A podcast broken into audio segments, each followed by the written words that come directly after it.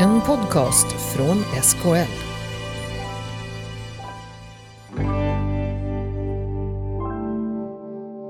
Men, eh, men när jag kommer med den rollen och jag är öppen med att jag har varit patient, då ham, tror jag att de hamnar i ett dilemma med vem är jag nu? Är jag behandlare till den här personen eller är jag en kollega till den här personen? Mm. Och det blir lite svårt för dem och det där måste de böka lite med ett tag. Och ofta brukar det landa på fötterna. Så, att, så att jag tror ju mycket, måste jag säga generellt, på det här med testa i liten skala och tänka med plan, do, study, act-modeller. Att inte liksom implementera saker på bred front. Du, får bara massa emot dig. Utan testa det i liten skala och se vad som händer.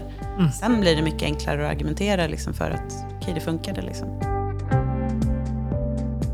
Välkomna till SKLs Nära vårdpodd som leds av mig, Emma Spak, som är samordnare för nära vård på Sveriges kommuner och landsting. Eh, I den här serien så kommer jag intervjua personer som på olika sätt driver omställningen till nära vård och omsorg runt om i landet. Och genom de här samtalen så vill vi fördjupa kunskapen om allt som händer i landet och visa både på det som fungerar och det som är svårt med omställningsarbetet. Idag ska vi ha fokus på patientdelaktighet och kraften i att tillsammans med patienter utveckla den nära vården och förbättra hälso och sjukvården som helhet. Jag har förmånen att få samtala med en person som har inspirerat mig mycket och som har öppnat mina ögon för hur det är att vara patient inom psykiatrin och sedan ta steget till att bli anställd som egenerfaren för att hjälpa andra patienter och samtidigt förbättra vården. Det här är ett samtal som jag verkligen har sett fram emot och idag så träffar vi Åsa Stensafir som är brukarinflytandesamordnare på Norra Stockholms psykiatri. Varmt välkommen hit idag. Tack. Ehm, och jag tänker vi börjar lite, du får börja med att berätta Ja. lite om dig själv. Ja, så hemskt att du får berätta fritt. Nej, men eh, ja, jag jobbar då som brukarinflytande samordnare som du sa. Det förkortas BISAM, så om man tänker att det är en råtta så, så kommer man ihåg det enklare. Jag är helt okej med det. Eh, man kan väl börja och beskriva det från den tjänsten. BISAM är en ganska speciell tjänst. Så att jag, mitt uppdrag är att jobba med brukarinflytande på kliniknivå. Så att jag jobbar inte så mycket med enskilda patienter som att jag jobbar med strukturer för hur vi gör detta. Eh, vaga. Och en lite speciell eh, sak med bisamtjänsten är att en förutsättning är att man själv har egen erfarenhet av att vara patient inom psykiatrin. Helst ganska Okej. omfattande erfarenhet. Så det är liksom bättre ju mer. Till skillnad från andra lägen när man söker jobb när man helst inte ska ha varit sjuk alls. Nej. Så det är lite intressant. Men det innebär då att jag själv har varit patient inom psykiatrin. Nu är det ett tag sedan. Eh, Så att nu har jag också inte varit patient länge.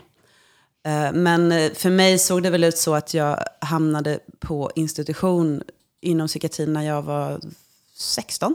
Och sen Okej. var jag där i, på olika heldygns liksom, institutioner i följande åtta åren. Så det var en ganska omfattande resa med många olika diagnoser och både bra och dåliga vårderfarenheter skulle jag vilja säga. Sen så kom jag ju ur det där, trots att jag faktiskt inte sågs, alltså jag såg ju som en kroniker att det här skulle inte gå något bra. Men jag tog mig ändå ur det och eh, av någon anledning efter mycket om och men så hamnade jag i att jobba inom psykiatrin, vilket man kan Ja. tycka är lite speciellt. men eh, men eh, ja, det var så det landade. Ehm, jag är också socionom, så att när jag väl tog mig ur det, eh, min sjukdomsperiod, så hade jag ju ingen utbildning. Jag hade faktiskt inte ens gått klart gymnasiet. Men då pluggade jag in det och vad det led så läste jag också socionom. Så det har jag också då Okej. I bagaget. Men vad var, det som, vad var det som fick dig då att vända tillbaka till liksom, psykiatrin? När du säger att du hade liksom både positiva och negativa erfarenheter. Vad fick dig att komma tillbaka till psykiatrin för att jobba där? Mm, alltså ibland, jag har nog svarat lite olika på den frågan genom åren måste jag säga. Så jag, har ingen, jag känner inte heller att jag måste ge ett färdigt svar. Men jag, ibland så tänker jag att det kanske faktiskt inte hade så mycket att göra med min patienterfarenhet. Utan folk väljer att jobba inom vården av olika skäl. Ofta för att man är intresserad av den här typen av frågor. Det har ju du också gjort. Ja, Tänker jag. Ja, Ja, men så, att, precis. så att ibland så blir det något väldigt ex, exotifierat på något sätt. När jag kanske Mm. ibland tänker att det kanske inte har ett dugg att göra med att jag har varit patient. Utan jag tycker att det här är himla spännande med människor. Och hur de mår och hur vi försöker ta hand om dem. Och hur svårt det faktiskt är. Även fast det kan se enkelt ut och verka enkelt.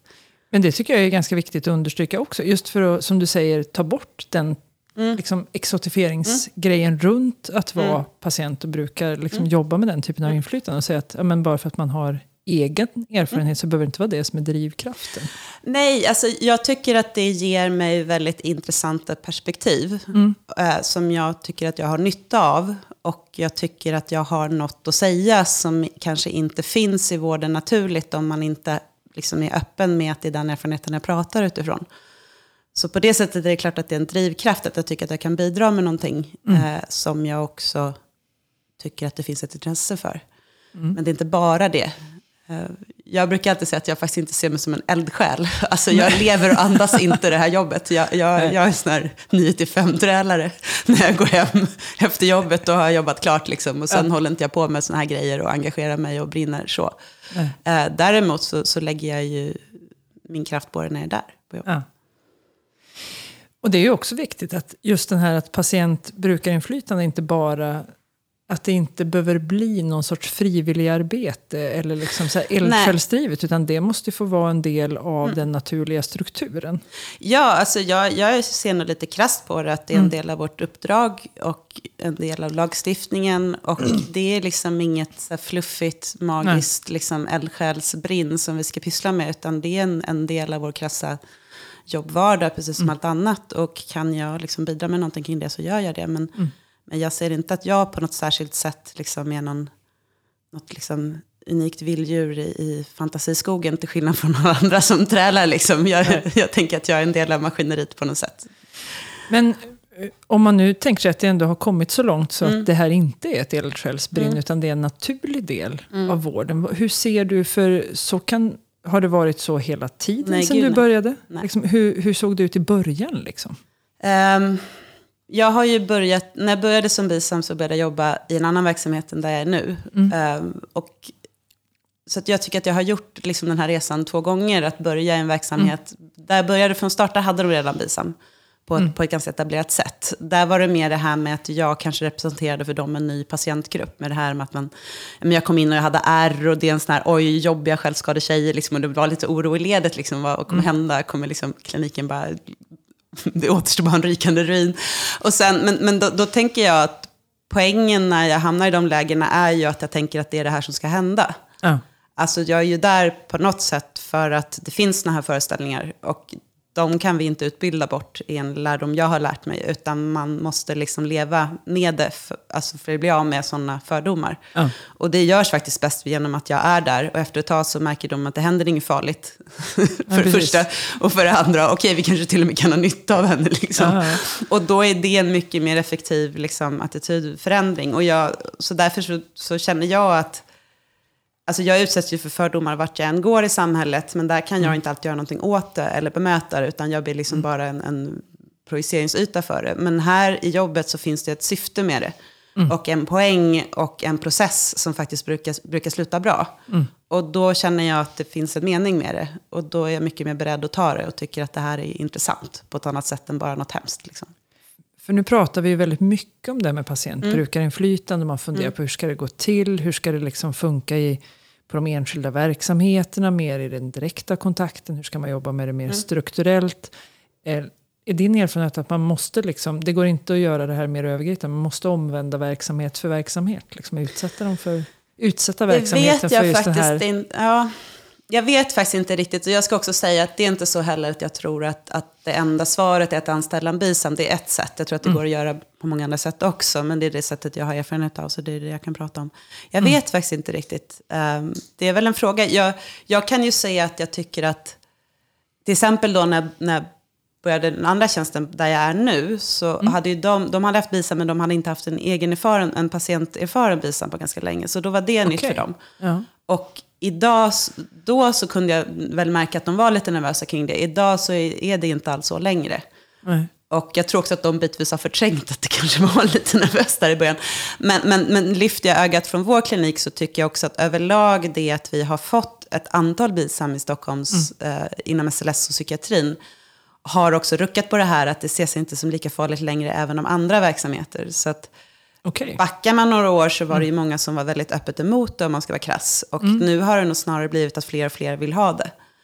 Så det sker ju någonting även när man gör så här, liksom att det blir mer etablerat. Att då händer ju också grejer med de som inte är med. eh, så. Så det, det är ändå så att man, man kanske inte måste omvända varje enhet för sig, utan det kan ändå bli att Mm. Alltså, man kan lyckas ju- plocka upp det. Liksom. Ja, jag tror det. Sen så tror jag faktiskt också att eh, ehm, det finns kliniker som inte är redo för det här och de skulle inte behandla en sån här person väl. Och då ska man inte ta emot dem. Alltså man är inte ett botemedel för, för vilken nivå av sunk som helst, om du förstår vad jag menar. För att, för att Okej. man, det måste vara en klinik som faktiskt på någon nivå är intresserad av att jobba med det här. Eh, så. Och är man inte det, då ska man inte utsätta en person för att hamna i det här läget. För att det kan vara ganska tufft. Man kan liksom inte tvinga fram viljan att jobba med patientbrukarinflytande, utan man får liksom, det måste finnas en viss grad av... Inte på det här sättet. Nej. Man kan ju jobba på andra sätt med brukarinflytande. Men, Ja. men på det här sättet när man ska anställas på en sån här ganska utsatt position och stå för någonting Mm. som är ganska stigmatiserat och bli ifrågasatt. För det ingår ju i min Mm. roll att folk ska liksom utsätta mig för ifrågasättanden och grejer. Mm. Men, men då måste det finnas stöd för det på kliniken. Och gör det inte det så kommer jag fara väldigt illa. Mm. Och problemet blir också då att, att förmodligen så kommer den personen inte orka i längden. Och då befäster man lätt en idé om att så här går det när man anställer någon, Mm. en psykiskt sjuk. Och, så, och, och då blir det snarare ett befästande av det istället för att man ser att okej, men, men vi skötte faktiskt inte vår roll som arbetsgivare och, och med arbetsmiljöskäl. Och då, då blev det som det blev. Men, men den insikten har man förmodligen inte då. Så att det är viktigt, jag tänker för andra som kanske lyssnar Mm. och vill fundera på hur man själv skulle kunna göra, viktigt att tänka på att man bäddar för att den Mm. som kommer in i en, den här typen av roll verkligen har chansen att lyckas. Ja. att inte, Ja. ja. Och alla måste inte vara på båten, så är det Nej. fortfarande inte. Jag tror, jag tror inte liksom att på de ställen jag har jobbat på att alla har tyckt om mig, men så är det ju för alla, tänker jag, som jobbar någonstans. Alla älskar den inte liksom. Precis. Men, men det måste finnas en kritisk mängd i ledande positioner som ändå är intresserade och vill prova det här. Men den här, det här motståndet som du mötte, Mm. som du ändå säger var lite mer i början än vad det är nu. Vad, vad liksom tar det sig uttryck? Liksom? Du säger att man var Mm. rädd att man skulle liksom lämna, lämna verksamheten uriner. Men vad är, vad är det man mer konkret är rädd för? Alltså, jag, jag tycker att det där är på lite olika nivåer. För det första så finns det alltid en klick som, där det här är helt självklart. Eh, och det är ofta inte den klicken som blir väldigt emotionella och tycker att det här är fantastiskt. Och så här, för de kan också vara lite problematiska, för de kan hamna i någon sorts positiv särbehandling som inte alltid är så fräsch heller.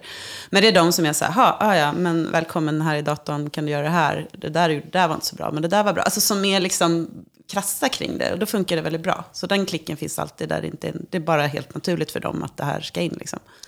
Varken för långt åt det positiva eller Nej, negativt, nej. någonstans Ja. mitt på. Liksom. Ja, hej, du ska jobba här. liksom så. Ja. Eh, Men sen finns det de där jag tror att de... Sen finns det någon massa som jag tror inte direkt har så mycket fördomar, men de vet bara inte hur de ska bete sig. För att Nej. jag kommer in i ett vårdsammanhang och jag är öppet egenerfaren som vi brukar säga. Det vill säga att Alltså vi har ju massa personal som har erfarenhet av vara patienter, men de är inte anställda på grund av det, och de är inte öppna med det. Men i min yrkesroll ingår ju att vara öppen, så det där, det där är speciellt. Det är inte speciellt att anställa en patient, för det gör vi hela Nej. tiden. Men, eh, men när jag kommer med den rollen och jag är öppen med att jag har varit patient, då ham- tror jag att de hamnar i ett dilemma med vem är jag nu? Är jag behandlare till den här personen eller är jag en kollega till den här personen? Och det blir lite svårt för dem och det där måste de böka lite med ett tag. Och ofta brukar det landa på fötterna. Men, men jag kan förstå att det blir lite förvirrat, för vi brukar inte göra så här. Vi brukar inte Nej. anställa öppet egenförna på det kriteriet. Liksom. Nej. Och då blir det lite så här, okej hur ska jag nu? Ska jag ta hand om den här personen? Eller ska jag bara, liksom, så här. Eh, och, sen, och den gruppen tycker jag brukar vara störst. Och det kan jag förstå, för att man gör något nytt. Det blir förvirrat. Sen så finns det väl en, en grupp som, som rakt av är skeptiska och som har olika idéer om personer som har varit eller har psykisk ohälsa. Att de är opolitliga eller inte kan jobba eller inte ska vara här. Eller kommer ställa till med bråk eller inte kommer kunna tänka nyanserat. Eller inte kommer kunna sätta sig in i liksom, verksamheten. Den typen av saker. Jag kan tycka det är intressant när man ändå jobbar med behandling av de här personerna att inte tro att de kan återhämta sig. Så att det är egentligen en ganska ledsam syn från dem. Ja. För jag tänker att de möter de här människorna varje dag och det det speglar är att de faktiskt inte tror att man kan Att komma man kan tillbaka komma från ur allvarlig Ja. psykisk ohälsa, om, om det, för det är det vi pratar om, och bli liksom en, en normalt fungerande medborgare. Det är jätteledsamt att Mm. de jobbar i en sån vardag. Att det blir en så desillusionerad syn på vad man kan uppnå. Ja, jag, ehm, jag kan också undra lite över... ehm, Alltså att det finns ett problem när man jobbar med väldigt svårt sjuka personer, speciellt inom helhetsvård, att man får ju aldrig se när de mår bra. Så det kan nog vara sant. ganska lätt att odla en föreställning om att så här, once really sick, you're always really sick, liksom, för det är Ja. de man ser. Jag kan känna att jag klarar mig, jag behöver inte deras approval, men jag kan bli, bli oroad för hur, hur det är för deras patienter om, om Mm. de inte själva tror att det här är något som går att ta sig ur. Men jag tänker, för då, då finns det liksom olika nivåer av motstånd, Ja. men som han- handlar mycket om liksom oss som arbetar i vården och liksom våra egna föreställningar, hur man, om man arbetar i vården, måste förhålla sig när man plockar in någon som utmanar Alltså, perspektiven. Så är det. Sen så handlar det ju självklart även om mina fördomar och vad jag kommer in med och hur pass kompetent jag är. För att det finns många egenerfarna som inte alls är lämpande att jobba med det här. Och det får man inte glömma bort. Man är Nej. inte Jesus bara för att man har patienterfarenhet, liksom, utan man ska ju vara lämpad för uppdraget. Eh, Sen så, jag menar, jag har ju jättemycket fördomar också om vårdpersonal. Eh, och det är väldigt intressant. Jag menar, när, när jag var patient så, så trodde jag ju att liksom, alla vi som mådde dåligt, vi var patienter och alla andra, de hade det fantastiskt i sitt liv. Det fanns liksom ingen skugga i något. Liksom. Svart eller vitt. ja.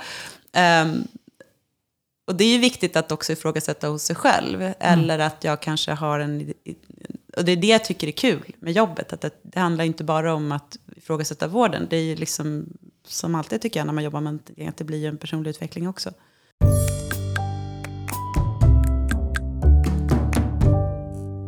Jag tänker, jag såg nyligen faktiskt en uppmärksammas på sociala medier, en annons för, jag tror att det var en psykiatrisk mottagning i Göteborg där man sökte att, de, att man sa att det var en fördel om de som var behandlare hade egen erfarenhet, gärna då av neuropsykiatriska sjukdomar. Vad tänker du om en sån liksom? Jag tycker det är jätteintressant. Jag, Ja. jag vet att de har, på vissa kliniker i England har de lagt in det som policy i sina Ja. annonser också. Att, att man lyfter fram det som en, en merit eller en styrka. Ehm, jag tycker att det är ett väldigt stort steg framåt. Jag börjar tänka annorlunda om hur vi värderar den typen av erfarenheter. Och också att eh, det skickar ju en viktig signal till folk som söker jobb i den här verksamheten. För att, ehm, Alltså om jag söker andra jobb än BISAM-jobb, jag menar jag är socionom, jag har jobbat också inom socialtjänst och så, så måste jag ju alltid noja över vad jag ska säga på jobbintervjun. Och jag, i vissa fall så kan man välja att säga ingenting alls, men eftersom jag har mycket ärr och så, så tycker jag att det blir konstigt om jag säger ingenting. Så att jag väljer att liksom övergripande bara säga att jag har varit sjuk, men nu mår jag bra. Liksom. Ja. Fråga om ni undrar någonting, men det är inte mer med det. Liksom. Men det är alltid en risk. Och om arbetsgivaren har gått ut med att säga att det här ser vi som en merit, då behöver inte jag oroa mig för att det är en risk att ta upp det här. Nej, men Eh, precis. Och det är ganska skönt att få slippa. Nej, jag tyckte det var första gången jag sett Mm. någonting sånt. Jag tyckte det var en intressant liksom, perspektivförändring på Mm. en annons. Liksom, att lägga ut det. Ehm, jag funderar lite, lite mer, för nu har vi pratat lite grann om just Mm. den här bisamrollen och just det här att jobba väldigt nära i. Jag tänkte, har du några, liksom, så här, kan du beskriva några av de projekt, så här, saker som Mm. ni har varit med och gjort eller drivit fram förändringar, så man får lite exempel att ta på? Ja. Eh, För det första så ska jag säga att det är en hel del förändringar som, som vi är med och driver fram. För det är inte bara vi som gör det, det är verksamheten som gör det skulle jag vilja säga. Ja. Men som är, som är små och som inte syns på något papper och så, men som ändå är ganska viktiga. Eh, Vi arbetar ganska mycket med en form som heter patientforum, som innebär att varje vecka i helhetsvården så erbjuds alla patienter som är inlagda då på avdelningen att komma på ett möte som vi leder. Där man får säga kort och gott vad man tycker om avdelningen och vad kan bli bättre och vad, vad, vad, vad funkar redan bra. Så. Ja. Eh, Och där är, kommer det ju upp väldigt mycket små detaljer som faktiskt justeras ganska omedelbart. Och det är liksom ingenting vi gör projekt av, eller, eller på något Nej, sätt redovisar. nej. Men det är ganska viktiga grejer, för det är det ja. de tar upp. Och det är det som patienterna tycker är viktigast när de sitter där. Det finns inga kortlekar. Liksom. Okej, vi köper kortlekar. Det kan vara liksom räddningen för, för den inläggningstiden. Så att det ska jag först säga att det är mycket som händer i den formen. Eh, sen utifrån det som framkommer på patientforum på mer övergripande plan så, så sammanställer vi ju liksom vad, vad kan vi göra för förbättringsarbeten utifrån vad patienterna säger. Ett exempel är att vi eh, har anställt något som vi kallar för medarbetare med brukarerfarenhet. Ett engelskt ord för det är peer support worker. Vi förkortar dem MB. Ja. Det innebär att man är anställd på samma sätt som jag då, som öppet egenföraren, men på en avdelning och jobbar med direktvårdarbete, som en mentor för patienter som vill. Då. Så inte mer övergripande utan verkligen Nej, direkt. i, i Ja. direktvårdarbete som en del av teamet. Då. Och det gjorde vi för att patienterna på forumen ofta uttryckte att de ville prata med någon som själv hade varit där. Alltså när vi kom mm. dit och presenterade oss som mötesledare att vi har varit patienter, då ville de fråga jättemycket och det var inte mm. riktigt det vi var där för då. Så det är ett projekt vi har som också är fast sedan flera år mm. nu och funkar väldigt bra. Jätteroligt. Annan sak vi har gjort är att eh, det kommer upp väldigt mycket på forumen att man vill att personal ska prata mer med en. Mm. Eh, vilket på ett sätt är lite ledsamt att få höra, tycker jag. Ja. Eh, jag skulle önska att patienterna inte sa det, utan att det är någonting vi gör. Men en annat sätt att se på det är att jag tror att vi pratar en del med patienterna, men inte på ett sätt som de uppfattar är, är den typen av samtal de vill ha. Och då mm. jobbar vi ju ineffektivt vi, vi gör någonting som, ja. som de inte uppfattar. Liksom. Det, det, är ju waste of time. Så att vi har arbetat fram en form som heter ett samtal om dagen. Som handlar om att alla inliggande patienter ska få frågan från personal varje mm. dag. Vill du prata idag? Mm. Och det man ska prata om är det som är viktigt för en. Alltså det är patienten som bestämmer ämnet utifrån mm. vad den vill prata om just idag. Uh, och det visar sig vara lite framgångsrikt. Vi har implementerat det nu på alla våra avdelningar och det har också mm. spritt sig till lite andra delar jag tycker att det är en intressant sak för att det, vi har tagit det ganska exakt så som patienterna sa att de ville ha det. Ja. Att det ska komma någon och fråga, det ska inte vara upp till mig att säga till när jag vill prata för jag klarar inte det. Um, att vi håller det väldigt enkelt, det är ingen, ingen mm. samtalsmetodik, det är inget avancerat, utan det, det är faktiskt bara vanliga medmänskliga omvårdnadssamtal vi håller på med. Det innebär att det kostar ingenting, det är ingen vidareutbildning man behöver gå, man använder redan sin, den kompetens mm. man har. Um, och det har visat sig när vi har mätt det här att det tar inte heller liksom, tid på ett sätt så att det inte går att genomföra. Utan alla våra tester så har personalgruppen sagt att vi vill fortsätta göra det här. Det är väl en lyx, tänker jag, den gången man får... Och, och, och det ska jag säga att patientnöjdheten har varit väldigt stor. Eh, mm. Så att patienterna har beskrivit det här som ganska revolutionerande. Eh, vilket är jättekul. Ganska enkla medel. Ja, ganska enkla medel. Jag tror att vi ibland gör det för svårt för oss. Att förändringsarbete ja, blir för svårt? Vi liksom. tror att vi måste göra något jättekomplext när det ja. kan räcka med ganska enkla saker. Um, sen nyligen nu så har vi dragit igång något som vi kallar för uh, patientskolan som vi gör i öppenvården. Mm. Och uh, det har vi gjort för att många patienter har beskrivit att de saknar, de förstår inte sammanhanget de är i, de förstår inte hur vården funkar, de förstår inte liksom, vilka hjälpinsatser kan man få och um, de vill också ha hjälp att bolla de här grejerna, återigen med folk som har egen erfarenhet. Eh, vi ville försöka göra det i öppenvården också i grupp. Så mm. där har vi startat som patientskolan. Och det, um, det leds av oss då som är öppet egenerfarna. Så vi som är BISAM och MB då leder den här. en träff på fyra tillfällen med, med de patienter som har anmält sig, som vill gå. Då. Mm. Det är faktiskt med ett forskningsprojekt nu som heter... Okay. Uh. Ja, en del av ett forskningsprojekt som heter Patienten i förarsätet, förkortas PIF. Det är mycket så på karolinska. Då. Ja. Mycket förkortningar. Mm. Nej, men det var en av de frågorna jag tänkte, ja. tänkte på, just det här att hur... För ibland när man har mm. samtal och man pratar om personcentrering eller mm. man pratar om patientbrukarinflytande mm. så blir det att det här blir någon sorts myspys vid sidan av. Mm. Men just det här att få hårda data på det. Har ni hunnit få fram mm. någonting på saker ni har gjort? En, nej, det här är ett forskningsprojekt, ja, nej, det är ett forskningsprojekt som kommer pågå flera år. Ah. Uh, och uh, vi är inte, alltså, det handlar om att studera patientdrivna innovationer inom mm. vården. Så att vi är en av, av flera innovationer som mm. ingår med patientskolan. Då. Och eh, tanken är också att själva forskningsprojekten ska handla om co-producing, att vi gör det ihop mm. på olika sätt. Så att vi blir inte beforskade så att säga, utan vi Nej, är det är ingen som kommer ja. utifrån. Liksom. Nej, vi är med i teamet. Så ja. det gör att det kommer ta tid. Mm. Eh, och tanken är inte heller att bara liksom studera krass effekt på patienter, liksom, mm. utan också vad, vad händer med organisationen när man har en mm. patientdriven innovation och alltså andra saker kring det. Mm. Eh, så att, eh, det kommer nog pågå ett tag. Det är väldigt spännande. Har, har ni liksom hunnit märka, för jag tänker att en mm. del av de här motstånden, mm. som vi pratade om tidigare, mm. att man möter, kan möta motstånd i en organisation mm. som då är väldigt, ja, men, mm. ja, ser, sig, ser sig som väldigt vetenskapligt driven och så, kan, kan liksom, bryter det här ner motståndet hos, hos några? Eh, jag vet faktiskt inte riktigt.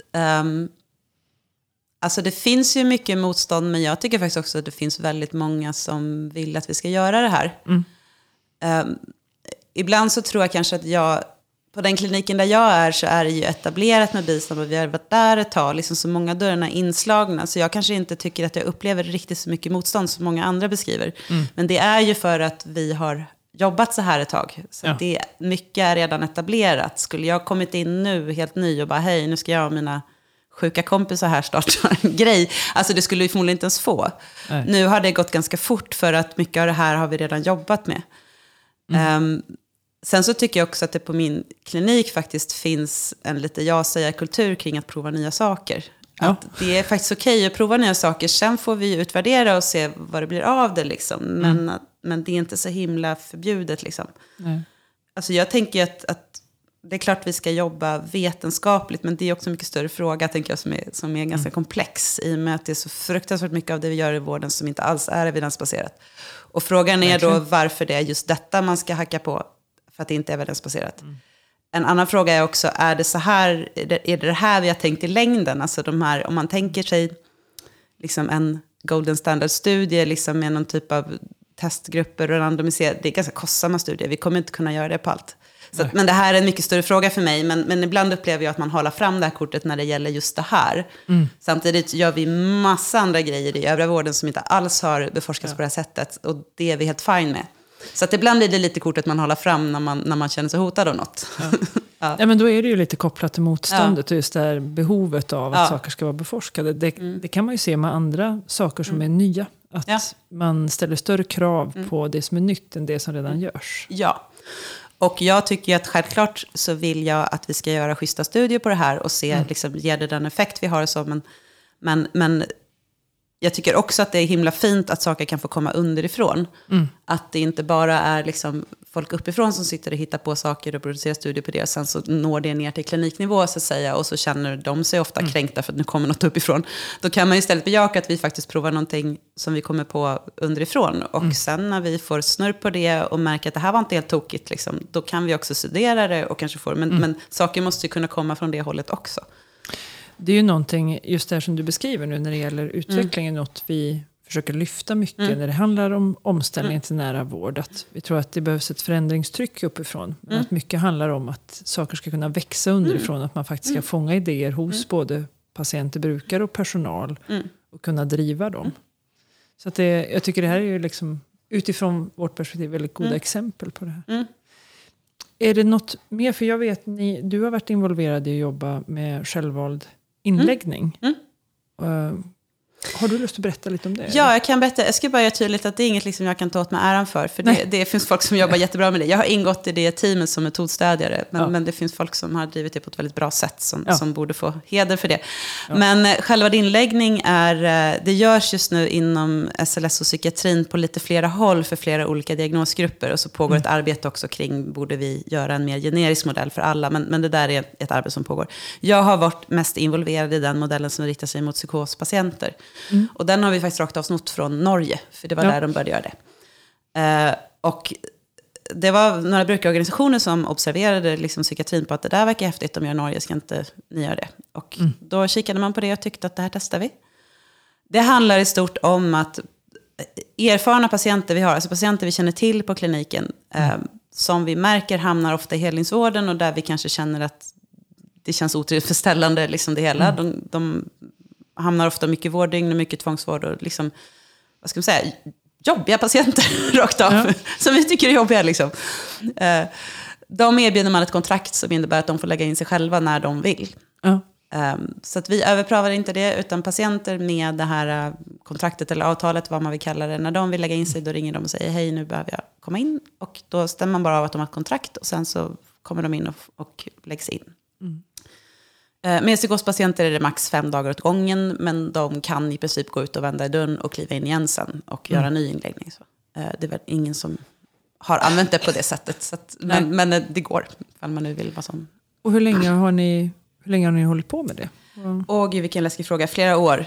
Eh, Det är inte längre ett projekt. Så det är det en del av ordinarie verksamhet Ja. på de klinikerna. Men det har varit ett långt arbete i att där har varit i projektform. Vad, vad krävdes för att man skulle ta det ifrån, för det är ju många som försöker lyfta nya Mm. arbetssätt, att det här steget från projekt till att faktiskt bli ett ordinarie etablerat arbetssätt. Hur, För det första skulle jag vilja säga att det, en, det finns ju studier på det, vilken effekt det har haft i Norge, där det har visat sig att det minskar antalet vårddygn för den här patientgruppen och minskar också antalet vårddygn i tvångsvård för den här gruppen. Och det, vi kan liksom inte gödsla med jättebra metoder för de som är så här svårt sjuka. Så att liksom har man något som faktiskt ger effekt så är det ganska attraktivt. Ehm, sen så handlade det om att man började i väldigt liten skala och rullade ut det på några få avdelningar och se vad som händer. Och sen har man liksom byggt det. Och får man goda exempel så, så är det ju lättare att fortsätta. Ehm, så så, att, så att, eh, sen har det väl handlat om att liksom, folk som har gjort bra arbete med att prata med politiker. För det här har också ehm, det har förutsatt att vi har kunnat reservera bäddplatser för patienter med kontrakt. Så att en avdelning som använder sig av självanläggning har en säng reserverad för den här gruppen. Och det har krävt att vi har också haft en avstämning med beställarna och att det är så här vi gör och de har varit okej med det. Så har, det har krävts liksom samarbete på ganska hög nivå. Och, och när man då jobbar med det här, för, för jag tänker det här är ju typiskt så där man låter patienten bestämma, eller den potentiella patienten bestämma själv. För jag kan ju se när man för andra diskussioner runt den typen av arbetssätt, att det finns en rädsla att det ska Ja, ja. komma över konsumtion eller Ja. att det ska bli undanträngningar. Och så här. Hur har ni liksom, har ni mött, eller mötte det här arbetet, den absolut. typen av rädslor? Ja. Absolut. Alltså, alla tror ju att patienten ska flytta in och ockupera avdelningen eller lägga in sig i onödan eller alltså den typen av grejer. Jag föredrar att se det som att det är väl rimligt att folk är oroliga. Vad, vad ska jag säga? Liksom, man, man kan väl inte komma och hitta på precis vad som... Alltså det finns ju risker med saker. Ja. Där tror jag väl att i och med att vi hade Norge som exempel, där de ändå kunde berätta att det här har inte... Vi hade precis samma oro, det har inte hänt. Det var ju ganska bra att kunna visa. Eh, och sen just det här att vi började testa det i liten skala och märkte samma sak här. Det här händer inte. Eh, blev, och då, då är det ju lättare att övertyga nästa avdelning och nästa verksamhet sen att okej, ni har en oro, det hade vi med, men det hände inte. Ehm, så att, så att jag tror ju mycket, måste jag säga, generellt på det här med testa i liten skala och tänka med plan, do, study, act-modeller. Att inte liksom implementera saker på bred front. Du, får bara massa emot dig, utan testa det i liten skala och se vad som händer. Sen blir det mycket enklare att argumentera liksom för att okej, det funkade. Liksom. Jag var ju, alltså, sen ska jag säga att det här med själva inläggning är ju inte nytt som fenomen. Nej. Eh, Jag var ju själv med om ett sånt upplägg när jag var patient. Alltså att en läkare sa så inofficiellt att okej, det här känns inte bra. Det här blir en onödig process att, att liksom valsa runt på akuten varenda gång du ska bli inlagd. Utan kom till mig så lägger jag in dig. Det funkade väldigt bra för mig. Så att skillnaden nu är att vi gör det till ett formellt koncept. Så att liksom patient och vårdpersonal inte behöver utsättas för risker genom att hålla på och kringgå regler och sådär. Ja, och också att man har chansen att få en större jämlikhet om det är tillgängligt för fler. Det beror Ja. inte på vem man har träffat. Ja, blir- och jag ja. som patient blir ju inte beroende av att just den läkaren jobbar, om det nu skulle vara så. Nej, men vidare. precis. Ja. Och andra patienter som hör om det kan fråga om det. Men, men det jag ska säga, att det, det jag också tycker är intressant med det är att man också urskiljer, alltså man skiljer på oerfarna patienter och erfarna patienter. För det här är ingenting, det här är inget vi erbjuder folk som inte ens är aktuella inom psykiatrin. Där måste man ju gå den vanliga vägen. Utan det är ju patienter där vi ser att okej, det här har hållit på ett tag. Liksom. Du kanske gör den här bedömningen bättre än vad vi gör när du behöver vara inlagd. Och för egen del så tror inte jag att det är någonting jag hade kunnat sköta så jättebra liksom när jag var väldigt ny patient. Eh, Men som erfaren patient var det definitivt ett, ett, en, en uppgift jag hade kunnat ta över från vården. Ser du att vi behöver det? För det är ett intressant resonemang att skilja på liksom patienter med mycket erfarenhet och lite. Tänker du att det är någonting som man skulle behöva tänka på bredare? Liksom, att vi, Absolut. Ja. Alltså jag, har, jag har tänkt väldigt mycket på det. För alltså ofta så tycker jag att när man pratar om sånt som bemötande och delaktighet sådana grejer, att det blir generellt. Det blir ungefär som att alla patienter är same same, oavsett om man kommer in med en, med en nageltrång eller har en kronisk sjukdom. Och det blir väldigt absurt, för att saker som kan vara väldigt, väldigt bra att säga till en helt ny patient kan ju bli direkt kränkande att säga till en erfaren patient. Och tar vi inte hänsyn till det här så blir det fort löjligt. Och jag, jag saknar ibland att man pratar mer om det perspektivet. Och också att liksom, Ska vi prata delaktighet och den typen av grejer är det också ganska stor skillnad på vad jag kommer in med för erfarenhet som patient. Att om jag, om jag är helt grön och någon ber mig välja mellan två preparat och jag inte har någon aning om vad de här är eller vad de gör, då blir det en ganska ångestladdad fråga som kan göra att jag bara känner mig dum. Eh, Medan om jag är en väldigt erfaren patient kan det ju bli direkt olämpligt om man inte frågar mig, för att jag har förmodligen erfarenhet av att äta de här preparaten och kan, vet ganska bra liksom, vad det innebär. Så att, så att det där, där tycker jag att det blir för, för generellt. Liksom. Man antar att alla patienter är små och rädda och inte kan något som behöver ett väldigt stort omhändertagande. Och Mm. det är inte, så kan det vara i början, eh, eller i en, en kritisk fas. Men, men tänker man så sen, då blir det ju väldigt passiviserande. Men hur, tror vi, hur ska vi komma åt det? För det här blir ju Mm. väldigt mötesberoende och individberoende. Har du några tankar runt hur vi kan, hur kan vi ändra liksom, hur vi jobbar i vården? Alltså jag, jag, jag är ett stort fan av att man, om vi kan lyckas tänka i fler liksom, patientgrupper än bara diagnosgrupper. Mm. Att också tänka kring, är det här en erfaren patient eller inte? Och är det möjligt för oss att skapa processer som bygger på det? För jag tycker själva inläggning är ett ganska bra exempel på det. Att där har vi faktiskt skapat en process som, som inte så mycket bygger på vilken diagnos du har, utan hur stor vårderfarenhet har du? Och har du en stor vårderfarenhet, då kan vi skapa ett, ett organisatoriskt spår för dig, där du faktiskt får skippa vissa moment, gå via akuten eller bedömningar, bla bla, för det är inte adekvat. Nej. Och jag tycker vi borde kunna, alltså att det inte bara ska vara upp till den enskilda behandlaren att beakta det här i sitt huvud, utan vi borde också organisatoriskt kunna utforma fler saker kring det här. Vi borde bli mycket bättre på att ge liksom, erfarna patienter ett mycket större egenvårdsansvar. För ofta vill de ta över en hel del arbetsuppgifter. För det är helt onödigt att vården pysslar med det. När de faktiskt kan det bättre än vården. Och de utsätts för väldigt knasiga processer i att inte få sköta vissa saker själva. Det här låter ju väldigt mycket, som sagt när vi pratar om Mm. omställning till nära vård, då pratar vi mycket om egenvården, mycket om att utgå från behov och förutsättningar. Mm. Finns det andra, för det här är ju en jätteviktig aspekt som du har lyft nu, finns det andra aspekter, jag tänker just i det här med medskick till de som jobbar med omställning till nära vård och liksom de här tankarna som du skulle vilja Ehm, skicka med? Ja, så för det första att jag tänker att tar man inte hänsyn till hur erfaren patienten är så riskerar ju ökad egenvård att bli ett övergivande. Att nu får du sköta dig själv och så har man inte redskapen för det. Så, så får det inte bli. Så där, man måste ju ta hänsyn till den faktorn för att det inte bara ska bli en ursäkt för att vi ska behöva göra mindre. Liksom. Så att det är en, en femma som är viktigt att tänka på. Sen så, nu är inte jag så himla insatt i just begreppet nära vård. Och jag kan ha lite problem med sådana fluffiga vårduttryck, Precis, men nu, ja. nu köper vi det ett tag. Om, om jag tänker mig ändå att nära vård handlar om att något ska bli bättre, för det måste jag ändå göra det, så tänker jag att, eh, att en sak som jag tror vi behöver jobba mycket på är att organisera oss runt patienten istället för att patienten ska skickas runt mellan vår väldigt snuttifierade organisation. Definitivt. För den är inte organiserad utifrån de patienter vi har idag. Folk lever ju mycket längre med komplexa tillstånd och har dessutom mag att få flera olika diagnoser. Och det har vi inte organiserat oss för. Nej. Vi trivs att sitta på våra rum och ta emot patienter där. Och vi är inte så förtjusta i att behöva gå till en annan korridor och kanske träffa patienten där. Så att det krävs ju att vi lyfter på rumpan och, och börjar göra nya grejer. Och, eh, jag har väldigt svårt att komma runt att något ska bli bättre om vi inte gör den typen av förändringar. Eh, Jag, skulle, jag kan drömma om liksom ett sjukhus som typ har en korridor där vi tar emot patienter och sen kommer den professionen dit som behöver träffa patienten. Nu är det en väldigt förenklad liksom, modell och det är klart att det skulle behöva problematiseras på massa olika sätt. Men det tänket skulle jag, tror jag att vi skulle behöva gå mot. Och det kommer ju behöva innebära att vi sliter oss från våra rum där vi sitter liksom, och träffar andra kollegor. alltså så. Är det några andra sådana? För då, då handlar ju det både om att liksom identifiera vad man har för erfarenhet som patient och liksom faktiskt nivå, an, eller anpassa nivån av egenvård eller in, liksom, vad man ska göra. Men också att vi ska liksom ordna oss själva. Att vården behöver samordna sig utifrån patientens behov och förutsättningar. Är det några andra sådana liksom, tankar du har inför liksom, framtidens vård? Oavsett vad man väljer att kalla den eller omställningen till vad. Utan liksom, vad ser du mer behövs för att vi ska få en vård som funkar? Mm. Alla pratar utifrån sitt. Liksom. Det är klart att jag tycker att vi borde använda oss mer strukturerat av, av egenerfarna inom vården. Oavsett om det sker i bisamform eller hur man nu lägger upp det.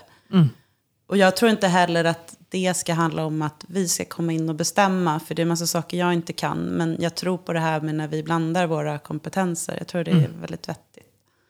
Så det tycker jag man borde bli bättre på att göra. Där funderar jag på, för, för en sak som nu är när man, för på många ställen så vill man ju nu, Mm. man, det finns en, en vilja att inkludera, att ha Mm. patientbrukare med, med i olika sammanhang, att, och inte bara liksom Mm. i mindre sammanhang utan också större liksom när man pratar strategier Mm. och framtid och sånt där. Hur ser du som själv, har, liksom själv jobbar i vården att man, att man ska få till det här på ett sätt Så att det faktiskt funkar för de som är patienter och brukare. Att man verkligen får med de här perspektiven. Att det inte bara blir att det kommer in personer som ja, blir lite alibi eller liksom mm. inte hittar en bra roll. Liksom, vad, vad, vad, måste man tänka på för att få det här att funka på riktigt? Jag tycker det är så roligt. I England så har de ett begrepp de kallar för the token user. Det är när mm. man har liksom en alibi-brukare som typ ska ja. lepa affischen. Och så, så, jag tycker det är jätteroligt. Eh, det kan hända ibland i sammanhang att jag har förstått att det är det jag är där för. Mm. Eh, ibland ställer jag upp på det om, om det är så att jag, att jag ser ett högre värde med det. Man mm. måste börja någonstans, liksom, men, men nej, i längden är det inte det man ska hålla på med. Um, jag tror så här att, att det jag har lärt mig av att jobba som BISAM och av mina BISAM-kollegor av de verksamheterna jag är i är att det här kräver eftertanke. Det mm. är inte bara att hoppa på glädjebollen och anställa någon som ser sjuk ut, för det kan bli väldigt fel, mm. om man ska vara krass. Så att man, och jag skulle nog tipsa de som vill göra det här att rådfråga andra som har gjort det på ett framgångsrikt sätt. Mm. Eh, det är ju inte bara vi i Stockholm som har lyckats få till det här på ett beständigt sätt, men, men vi är en av dem. Och då tycker jag att man ska um, faktiskt rådfråga och tänka till och göra det på ett strukturerat sätt. Mm det ska finnas en arbetsbeskrivning för de här personerna. Det ska finnas ett uppdrag. Det ska finnas liksom väldigt tydligt vad är tanken med det här. Du, du ska inte kliva in till ett tomt papper och få höra gör, gör något bra. Liksom. Det kommer inte bli bra. Nej. Du ska också ha definierat vad vill du att den här personen har för erfarenheter. För det handlar ju om en kompetens i det här fallet. Mm. Så att om du vill använda den här personens erfarenheter kan det hända att det är vissa erfarenheter som känns extra viktiga. Eh, för oss i BISAM har vi sagt till exempel att vi vill att man ska ha erfarenhet av hedlingsvård. För att det är mycket det vi jobbar med. Och vi kan ju inte gradera, du ska ha mått så här dåligt, liksom. det, det, kan vi inte göra. Men, men mycket av det vi jobbar med handlar om utsattheten för de patienter som hamnar i helhetsvården. Så det har vi satt som riktmärke på den kompetensen. Mm. Sen, sen, har vi ibland frångått det, som, som med alla meritkraven. Liksom, men, men att man på något sätt formulerar liksom vad, vad är det för kompetens jag är ute efter. Vad vill jag att den här personen ska kunna bidra med för patientkunskap.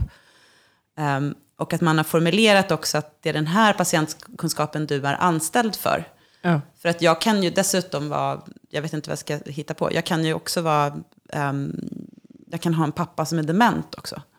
Men, men mm. det är inte den kunskapen jag är anställd för. Och det måste jag kunna hålla isär. Att mm. Vad är det för kompetens? Precis som att jag kanske, är, ehm, jag kanske har dubbla yrkeskunskaper också. Men, men jag kan inte vara både läkare och syrra på en gång när jag jobbar. Utan jag måste ju vara anställd för något visst. Mm. Så. Så att, att man är väldigt tydlig och genomtänkt med det här och eh, att det finns handledning till exempel för de här personerna. Massa saker. Att man inte liksom bara hoppar på någon sorts så här, mm. Nu var det här modernt och det ser bra ut så nu slänger vi in någon. Liksom. Eh, det blir inte bra. Så fråga oss gärna. Eller någon mm. annan som har gjort det. Ja, för jobbar du med handledning av... Eh, ja, alltså jobbar och jobbar. Informellt så stöttar vi ju varandra. Mm. Eh, vi har ju en handledningsgrupp, en kollegial handledning, vi som jobbar som BISAM och MB på Norra Stockholms psykiatri till exempel. Så vi okay. ses ju och stöttar ja. varandra. Och det är nog väldigt viktigt att få stöttning från någon annan som sitter i samma båt. Liksom. Mm. Um, men även andra verksamheter som funderar på det här uh, har jag ofta, liksom, hör jag av sig och kan fråga om hur mm. mycket handledning det blir formellt. Det vet jag inte, men, men jag bidrar gärna liksom, mm. med det. Men, ja. Och vad finns det i form av nät... Jag menar, nu finns det ju den här satsningen, eller det här arbetet med spetspatienter. Mm. Liksom, funkar det som ett nätverk över landet för att liksom, få ihop personer med egen erfarenhet? Eller um, hur?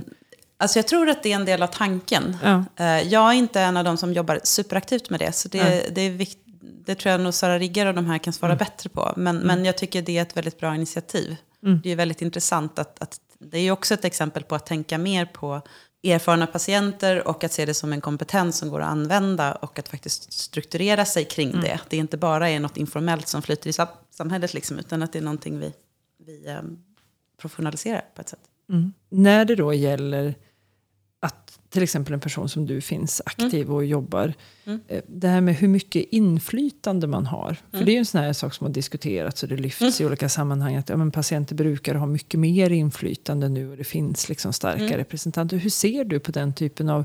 För det är en sak vad mm. man har för inflytande lokalt. Men också att det blir synligt på mer övergripande nivå. Att patienter och brukare syns mer i debatten och sånt där. Har du funderat någonting kring det? Alltså, alltså jag, jag, skulle vilja att man är lite tydligare med... Jag ska säga så här, ofta när jag blir tillfrågad att delta så blir mm. det lite så här, ja du kan ju vara med här, säg vad som helst. Så här. Och där jag tycker att det blir väldigt löst. Och det är väldigt otydligt vad de egentligen förväntar sig av mig. Jag först, jag, min tolkning av det hela har varit att de har liksom inte en aning. Och jag förstår det. Alltså, Det handlar om en okunskap. Men, men, men, men att det finns en rädsla i att faktiskt ställa krav och formulera uppdrag på den här typen av medverkan. Och jag tror inte att det är bra. För, för jag har varit med om ganska många de- gånger gånger när jag tycker det blir dåligt. Alltså när den som ska vara där och representera ett patientperspektiv, den har inte fått reda på vad uppdraget är, den har inte fått reda på vad dens roll är eller vad den ska göra där.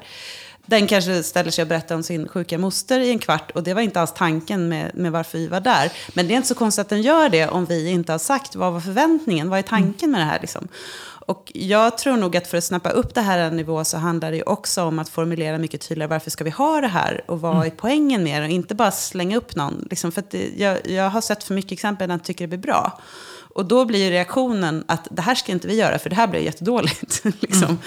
Så att jag, jag, jag, jag, jag tycker nog att vi, vi ska bli lite bättre på att formulera vad uppdraget är liksom när vi har med det. Och, och sen ha med det mycket mer. Men är det, är det liksom det här på något sätt entusiasmen, ett för, Ja. viljan och kombinerat med liksom okunskap? Eller är det att vi är lite fega, att vi är rädda för att ställa krav på någon som är där som med egen Mm. erfarenhet? Liksom vi som är i vården och...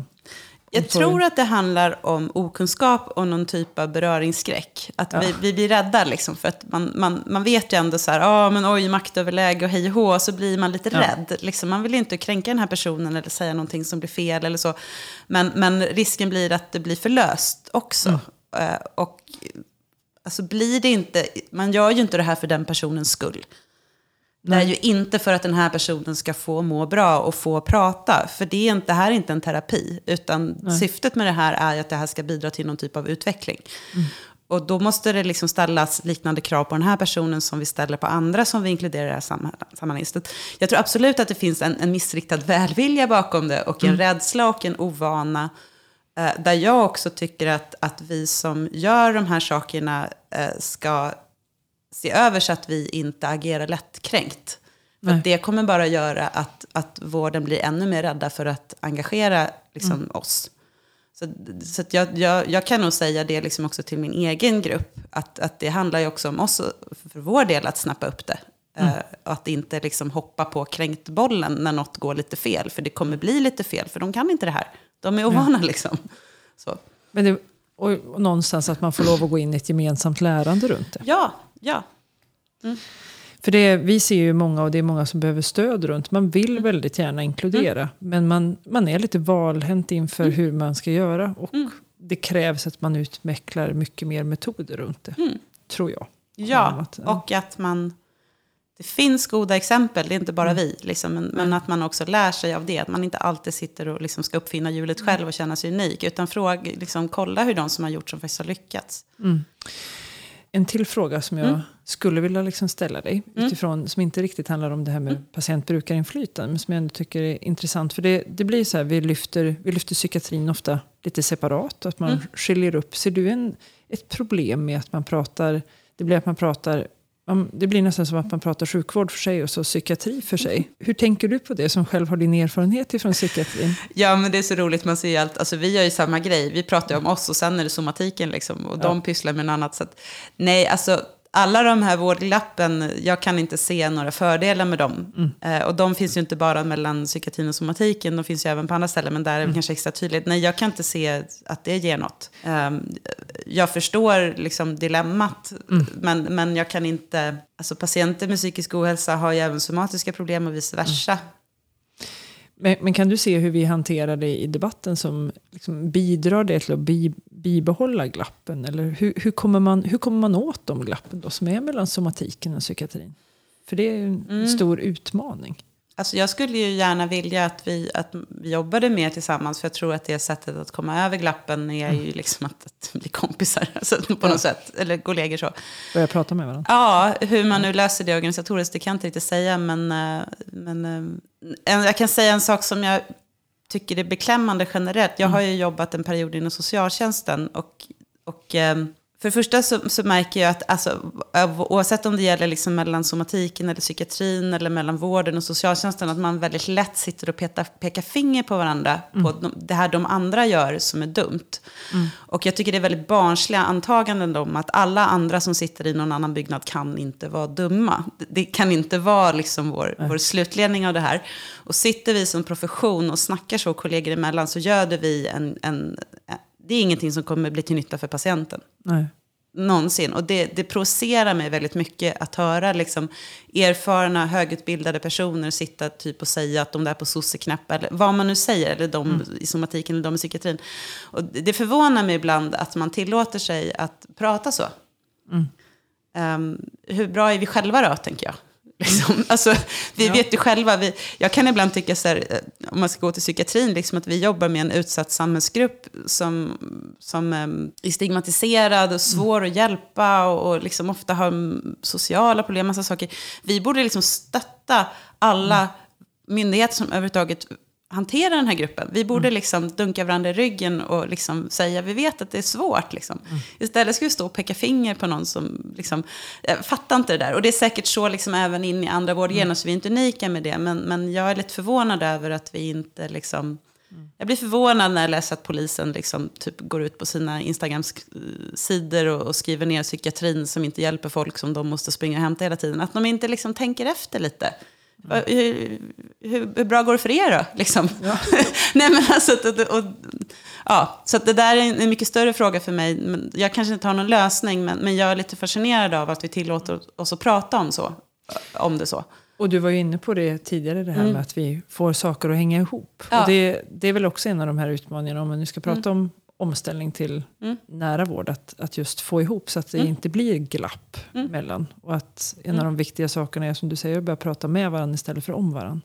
Ja, Faktiskt få ihop allting som Ja, och jag tror att det börjar redan när den, den här andra inte är med i rummet. Det mm. börjar redan med hur vi pratar om den här andra kollegialt emellan. Och vad vi tillåter oss att liksom göda för idéer om de här andra och varför de gör som de gör. Eh, vi har ingen aning om deras arbetsförhållanden så vi borde kanske visa respekt för det istället för att liksom, ja de gör ju ingenting som vanligt. Eller alltså den typen av grejer. Mm. Eh, det är barnsligt. Och det är mycket kulturförändringar som mm. behövs för att komma över det. Mm. Du pratade också om just det här med gruppen, att man ju jobbar inom psykiatrin med en grupp med väldigt mycket stigman.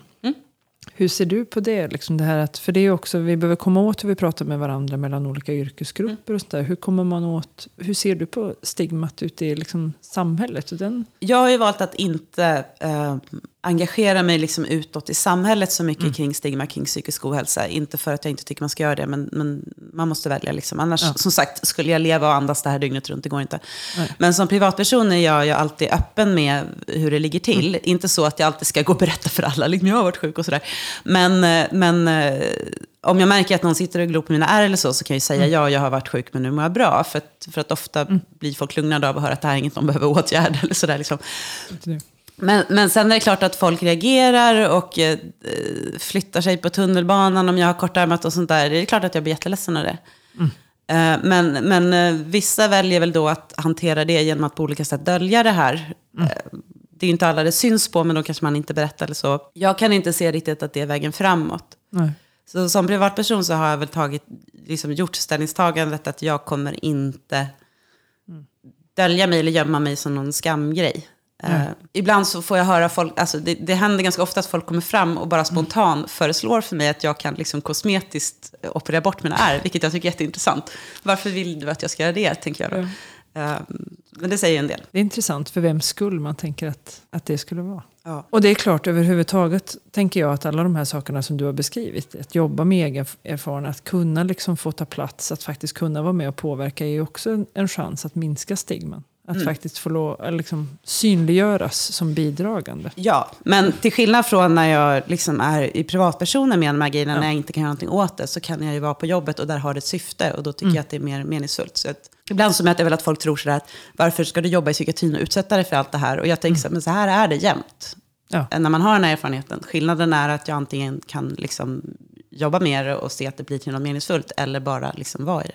Mm. Jag tänker att vi kanske ska avrunda mm. lite grann. Men jag skulle vilja avsluta. Om du, har du några, för, för det här är ju väldigt, du har ju berättat både liksom utifrån dig själv mm. och utifrån ditt arbete. Och det är ganska, tycker jag, väldigt starka, starka saker och väldigt viktiga saker för utvecklingen framåt. Har du någonting som du särskilt så vill trycka på? Som du ser som viktigt eller hoppas på för utvecklingen av vården? Och har rätt så läskigt när man ska göra så stora summeringar. Precis. Eh, några har jag nämnt. Eh. En sak jag tänkte på som jag tappade bort, jag vet inte om det är den största saken, men det är en viktig sak är att jag hoppas att vi ska bli bättre på att ha olika, fler olika typer av vårdmöten. Att vi släpper den här fixeringen vid att vi alltid ska ses fysiskt mm. i ett rum. Liksom, att vi blir bättre på att definiera liksom, vad är syftet med det här mötet, varför, vilka ska vara med, vilka ska inte vara med, kan vi ses mm. digitalt, kan vi anpassa det här på något sätt, måste vi överhuvudtaget ses? Mm. Eh, och så vidare. Det tror jag är en ganska stor utvecklingsdel. Om det är den allra största, det kan jag inte riktigt svara på. Jag skulle nog också vilja att um, jag tycker att det finns en gammal idé om vad vårdrollen är, alltså vad vårt mm. uppdrag är som vårdpersoner, oavsett vilket yrke vi har, som mm. är väldigt, väldigt omhändertagande. Mm. Nästan patriarkalt omhändertagande. Och mm. eh, jag tror att det är någonting vi fortfarande lär oss väldigt mycket eh, på utbildningarna. Och det tror jag att man behöver ställa om lite. Mm. Det känns inte riktigt modernt. Och det utan att vi hamnar i att vi överger patienter som, mm. som behöver hjälp. Jättebra. Mm. Och fantastiskt bra medskick. Och mm. jag är jättetacksam att du ville mm. komma och prata med mig idag. Ja, det var jätteroligt. Ja. Så att vi får lov att trycka på det här med patientbrukarperspektiv och hur man kan jobba med det framåt. Ja. Tusen tack. Ja, kul.